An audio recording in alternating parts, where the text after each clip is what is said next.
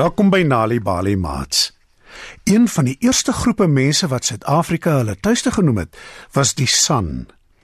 Hulle het in klein gesinsgroepe rondgetrek en was jagter-versamelaars. Die San bly al meer as 20 miljoen jaar in Suider-Afrika. Hulle het soveel interessante stories.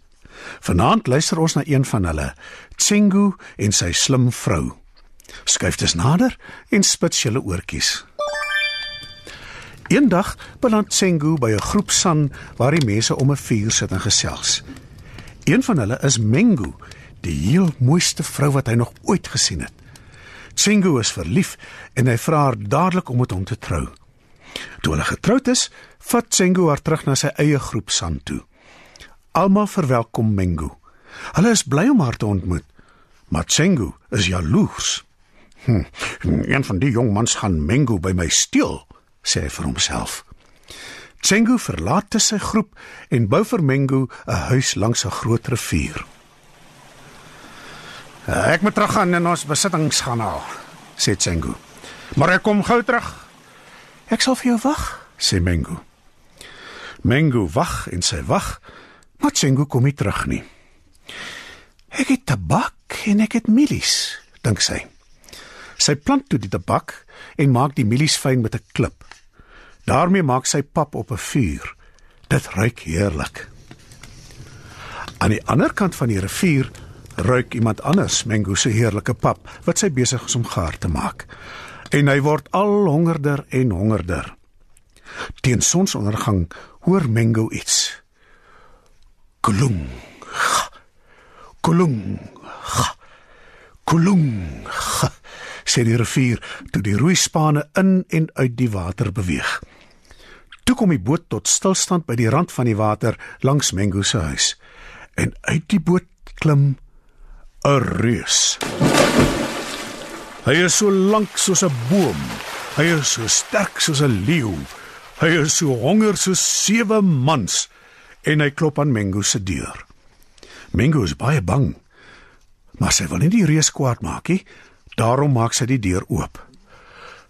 Om my lewe te red, beter ek vir hom gee wat hy wil hê, anders eet hy my dalk op, dink sy. Die reus vra vir 'n stoel en sy gee vir hom een. "Waar is die kos?" vra hy. Mengu gee vir hom 'n bord pap. "Ek soek 'n pyp." Mengu gee vir hom 'n pyp. "Waar is die tabak?" Mengo gee vir hom tabak. "Mag ek hier slaap?" "Nee," sê Mengo. Die son kom al op oor die water. Dis 'n nuwe dag. Die reus klim dus terug in sy boot en roei oor die rivier. Maar die volgende dag, teen sononder, kolong. Kolong. Kolong. sê die rivier toe die roeispane in en uit die water beweeg. Die reus is terug. Hy klop aan die deur. Mengo is bang, maar sy maak oop, want sy wil nie die reus kwaad maak nie. Hy gaan sit op die stoel en vra weer vir kos, tabak en 'n pyp. "Mag ek hier slaap?" vra hy. "Nee," sê Mengo. "Die son kom op oor die rivier. Dis 'n nuwe dag." Elke dag sit Mengo mieliepap 'n pyp en tabak reg vir die reus. En elke dag teen sonsondergang roei die reus oor die rivier in sy boot, eet sy mieliepap en rook sy pyp. Dan teen sonsopkoms gaan hy terug in sy boot. Toe een aand kom Tsengu huis toe. Hy sien die mieliepap en die pyp en tabak wat Mengu reggesit het vir die reus. "Jy is nie alleen nie. Maak jy kos vir 'n ander man?" vra hy jaloers. Ja, maar net omdat ek 'n groot moeilikheid sal kom as ek dit nie doen nie. Om my lewe te red, moet ek hom gee wat hy vra, anders eet hy my op. Hy is net nou hier. Jy moet wegkruip. Maak soos ek sê en maak gou sodat ons ontslae kan raak van hom Tsengu. Mengu verf Tsengu se kop swart met riviermodder gemeng met houtskool van haar vuur. Sy grawe 'n gat in die grond en sê hom aan om daarin te klim. Toe maak sy hom toe met grond reg tot bo by sy nek. Kulung. Kulung.